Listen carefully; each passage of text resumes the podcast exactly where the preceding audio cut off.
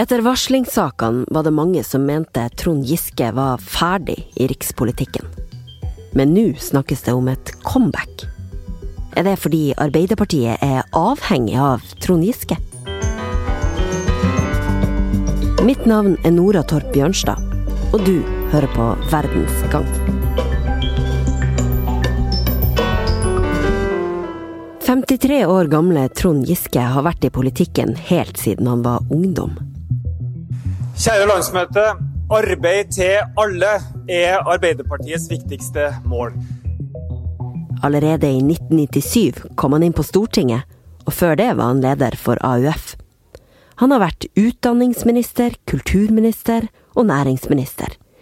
I 2015 ble han valgt som én av to nestledere i Arbeiderpartiet, men han valgte å trekke seg fra sentrale verv etter alt bråket rundt metoo og varslingssaker. Men nå ønsker deler av Arbeiderpartiet at han skal tilbake igjen. Fredag ble det nemlig klart at Trondheim Arbeiderparti foreslår Trond Giske som medlem til fylkesstyret til Trøndelag Arbeiderparti. Han er en av fem som nominasjonskomiteen skal ta stilling til den 16. mars. Tone Sofie Aglen, eh, politisk kommentator i VG og trønder. Hvorfor har et puff i retning av en lokal nominasjon noe å si for rikspolitikeren Trond Giske? Det handler jo om hele comebacket til uh, Trond Giske etter at han uh, trakk seg som nestleder etter de her varslingssakene i 2017-2018. Og, og, mange vil mene det at uh, Trøndelag Arbeiderparti gir han et tillitsverv, som det vil være å få en plass i styret, enten som vanlig styremedlem eller som leder, vil være å gi han en ny tillit, og at det vil være et skritt på veien tilbake i politikken for en veldig omstridt politiker. Mm. Hva sier hovedpersonen sjøl om nominasjonen og hans politiske ambisjoner akkurat nå? Nei, Vi vet jo ikke så veldig mye om det, for han uh, har ikke uttalt så veldig mye ambisjoner annet enn at han vil gjøre en jobb for uh, Trøndelag uh, Arbeiderparti. men mye tyder på at det her er et verv han ønsker seg, og det er i hvert fall ingenting som tyder på at han har noe som helst ambisjoner om å, om å roe ned sin politiske aktivitet. Mm. Vi sto jo cirka der vi står i dag for akkurat et år siden Trond Giske var eh, nominert, og så kom Bar Vulkan-saken, som for øvrig VG ble felt i PFU for dekning av. Det endte med at Trond Giske trakk seg da. På hvilken måte har bildet endra seg på det året som har gått nå, Tone Sofie? Det var nok ganske åpenbart at eh, Trond Giske ville fått en plass i eh, fylkesstyret for ett år siden. Så kom eh, Bar Vulkan-saken og all støyen rundt det, og jeg tror nok at, at etterspillet, også mediekritikken, har nok ført til at Trond Giske har fått mer sympati, og at mange mener at det er riktig at uh, han skal få en plass tilbake. Så har det jo gått et år, og et år i politikken uh, har jo i hvert fall lega noen sår. Og Trond Giske har i hvert fall brukt uh, tida si godt i Trøndelag, men det er fortsatt et, en omstridt politiker og mye støy og uenighet rundt det kandidaturet. Ja, vi skal eh, etter hvert eh, i episoden videre inn på eh, hva han kanskje har brukt tida si på de her årene hvor vi ikke har hørt så mye fra han. Men først, altså, den observante lytter har kanskje lagt merke til at jeg trodde man sa Giske, og du sier Giske. Og før vi fortsetter videre, så må vi nettopp må vi finne ut av det. Hva er egentlig korrekt uttale? Nei, det, det er du som har rett. Den riktige uttalen av Trond Giske er Giske. Det er i hvert fall sånn han uttaler det sjøl, men jeg hører ikke veldig mange andre trøndere enn Giske sjøl, så det er nok en, en, vane som de aller fleste har, og tung for meg å vende, i hvert fall. Ja, men da holder vi på det. Du er jo trønder, så sånn sett føler jeg at du har belegg for det. Eh, tilbake til eh, storpolitikeren eh, Trond Giske. Kan du kjapt dra oss gjennom høydepunktene i hans karriere, som er grunnen til at det er verdt å bruke litt eh, tida på å prate om han nå? Ja, han har jo vært en særdeles viktig politiker i Arbeiderpartiet. Han var jo en særdeles markant eh, AUF-leder fra 1992 og har spilt en veldig stor rolle i EU-kampen som eh, en av nei-sidas sterkeste menn. Så har han jo hatt en karriere hvor han har vært Eh, statsråd i flere ulike regjeringer. Han har vært vært eh, utdanningsminister, han har vært kulturminister, han har vært eh, næringsminister. Så ble han jo endelig nestleder i, i 2015, og da hadde han jo vært eh, kronprins i mange år i Arbeiderpartiet før han eh, omsider ble nestleder. Og så var det jo den eh, etter valget i 2017 at han eh, ble finanspolitisk talsperson, og mange så på det som et maktgrep fra han, hvor han fikk stor innflytelse i stortingsgruppa, fikk et viktig verv, pressa ut Marianne Martinsen, som allerede var der.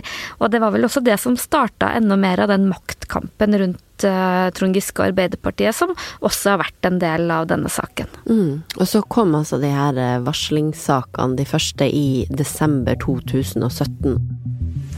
Trond Giske har opptrådt kritikkverdig, sier Jonas Gahr Støre. Giske er straks med direkte her i Dagsrevyen. Han sier han beklager sterkt.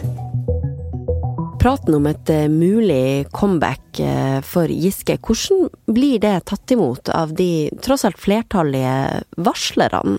Vi ser i hvert fall at de som har uttalt seg, er meget kritisk til det, og opplever det at de ikke blir tatt tilstrekkelig på alvor. Og det er jo en del av den store debatten som gjør at mange syns at det er vanskelig nå. At man mener at Arbeiderpartiet skal være et trygt parti å varsle i, og at man ikke tar nok hensyn til varslerne med at det går såpass kort tid før, før han eventuelt får komme tilbake. Samtidig så må vi heller ikke glemme at det er Jonas Gahr Støre som partileder som har sagt at det er ingenting i veien for at Trond Giske skal få utøve sitt verv og, og prøve å gjenoppbygge tillit. Så det er ulike syn på det som kommuniseres i partiet. Hva slags rolle har Giske sjøl spilt de årene her etter varslingssakene kom? Han trakk seg jo i januar 2018 og mente sjøl at det var umulig for både for han sjøl, hans familie og, og for partiet å fortsette.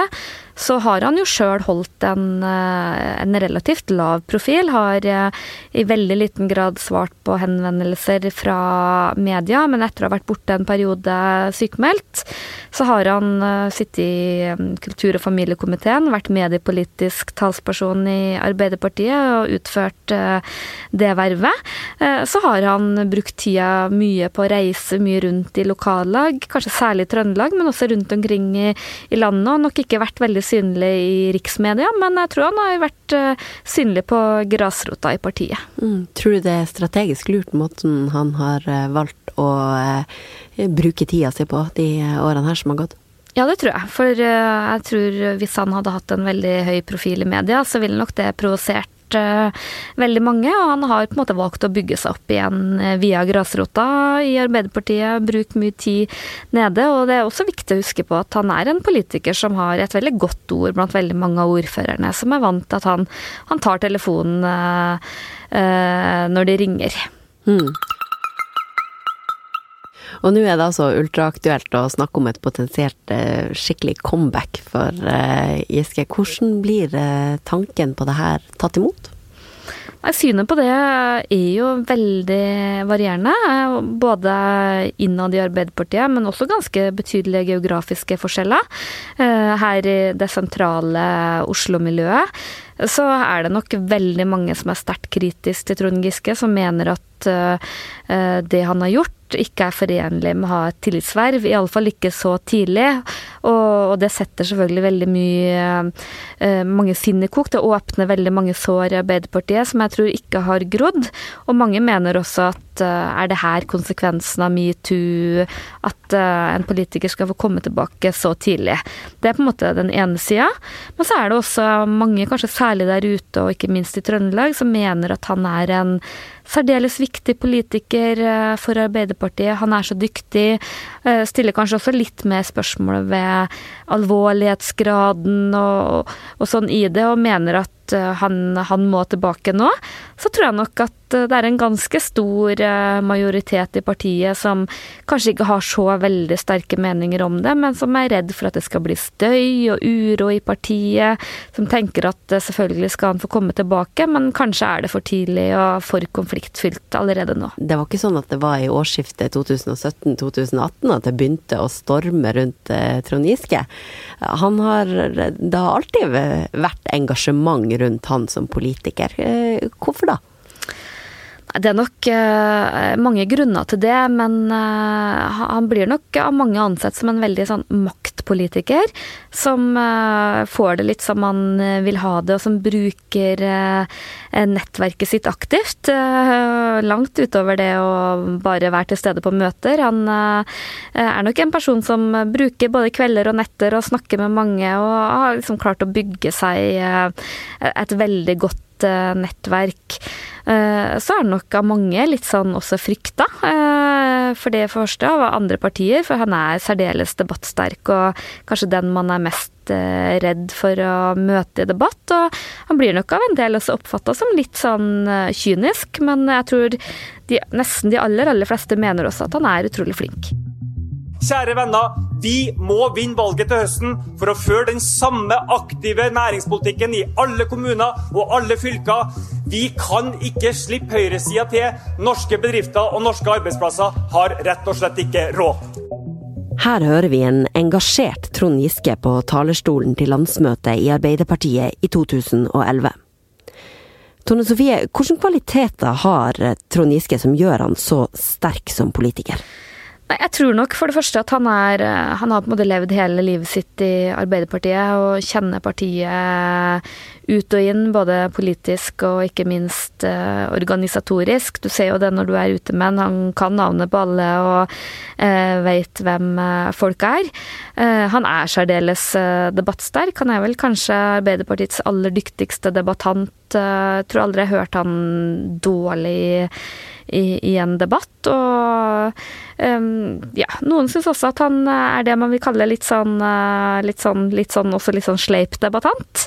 Uh, men at han er flink, klarer å markere seg, det er det vel få som er uenige om, sjøl om man også misliker han. Du sier at Trond Giske er en type politiker som jobber hardt også på kveld og natt. På hvilken måte kan det være en fordel for han? Nei, politikken er jo litt annerledes enn eh, andre, andre jobber. At eh, det handler mye om å bygge allianser, bygge nettverk. Eh, og han, han har jo ord på seg for hver en som har vært ute og drikke mye øl med folk. Også når han var statsråd, så ble han jo litt sånn kalt for en eh, partystatsråd, for han var til stede på veldig mye arrangementer, hadde veldig, veldig mange kontakter, og, og det gjør jo at du kjenner mange mennesker.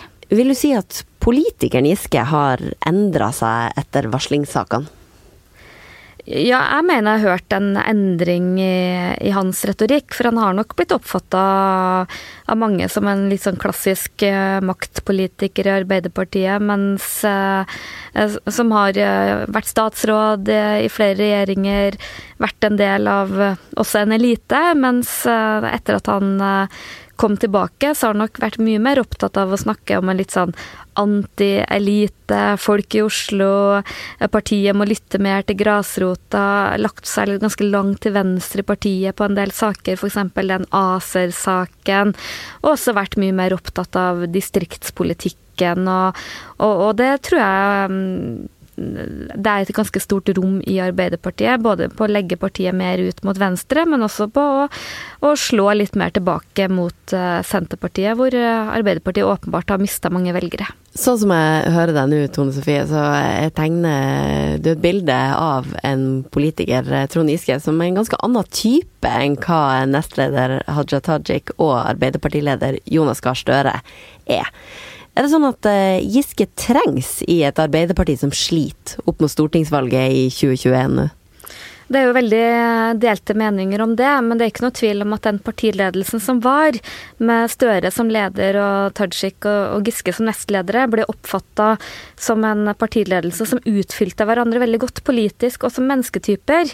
Men så fungerte de jo ikke så veldig godt sammen. Det er en annen del av uh, historien. Og mange mener nok at det var uh, noe som forsvant når han gikk ut av uh, ledelsen, og de har fått Bjørnar Skjæran inn som ny nestleder, som også de representerer distriktene, men som jo ikke er like markant som det Giske har, har vært.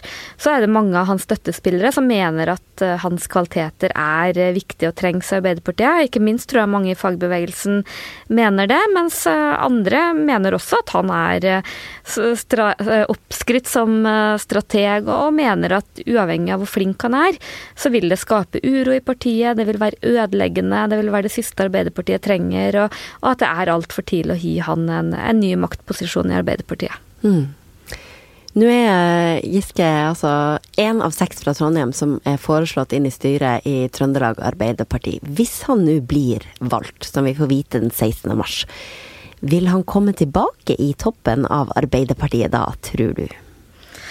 Først må vi jo se om han uh, blir valgt. Uh, hvis jeg skal tippe, så tror jeg nok at han får en eller annen form for et tillitsverv, om han ikke nødvendigvis blir uh, leder. Og det vil jo være en symboleffekt i det å, å, å bli valgt av sine egne. Og det vil nok også sikre han renominasjon til Stortinget.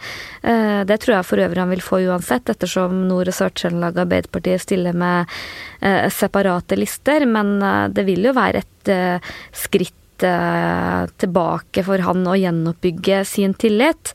Men eh, om han vil komme til topps i Arbeiderpartiet, det tror jeg er et, eh, et helt annet spørsmål, som vil avhenge av veldig mange ting. Tror du han kan få tittelen nestleder igjen i framtida? Det er helt umulig å spå i norsk politikk jeg tror det, det, er en tung vei tilbake, men eh, hvis han eh, får et verv i Trøndelag Arbeiderparti, og ikke minst hvis han blir renominert til Stortinget, så vil det jo på et eller annet tidspunkt bli en, en normalisering eh, av hans eh, posisjon i Arbeiderpartiet, eh, som gjør at eh, han vil fungere mer som en vanlig politiker igjen. Du har hørt en episode av podkasten Verdens gang. Den lages av Emilie Hall Torp, Tor Erling Tømt Ruud, Kristine Hellesland og meg, Nora Torp Bjørnstad. Teknisk produsent er Magne Antonsen. Det kommer en ny, rykende fersk utgave av Verdens Gang hver eneste dag klokka fire på morgenkvisten. Har du tilbakemeldinger eller innspill til oss i redaksjonen? Bli medlem av Facebook-sida vår. Vi høres i morgen.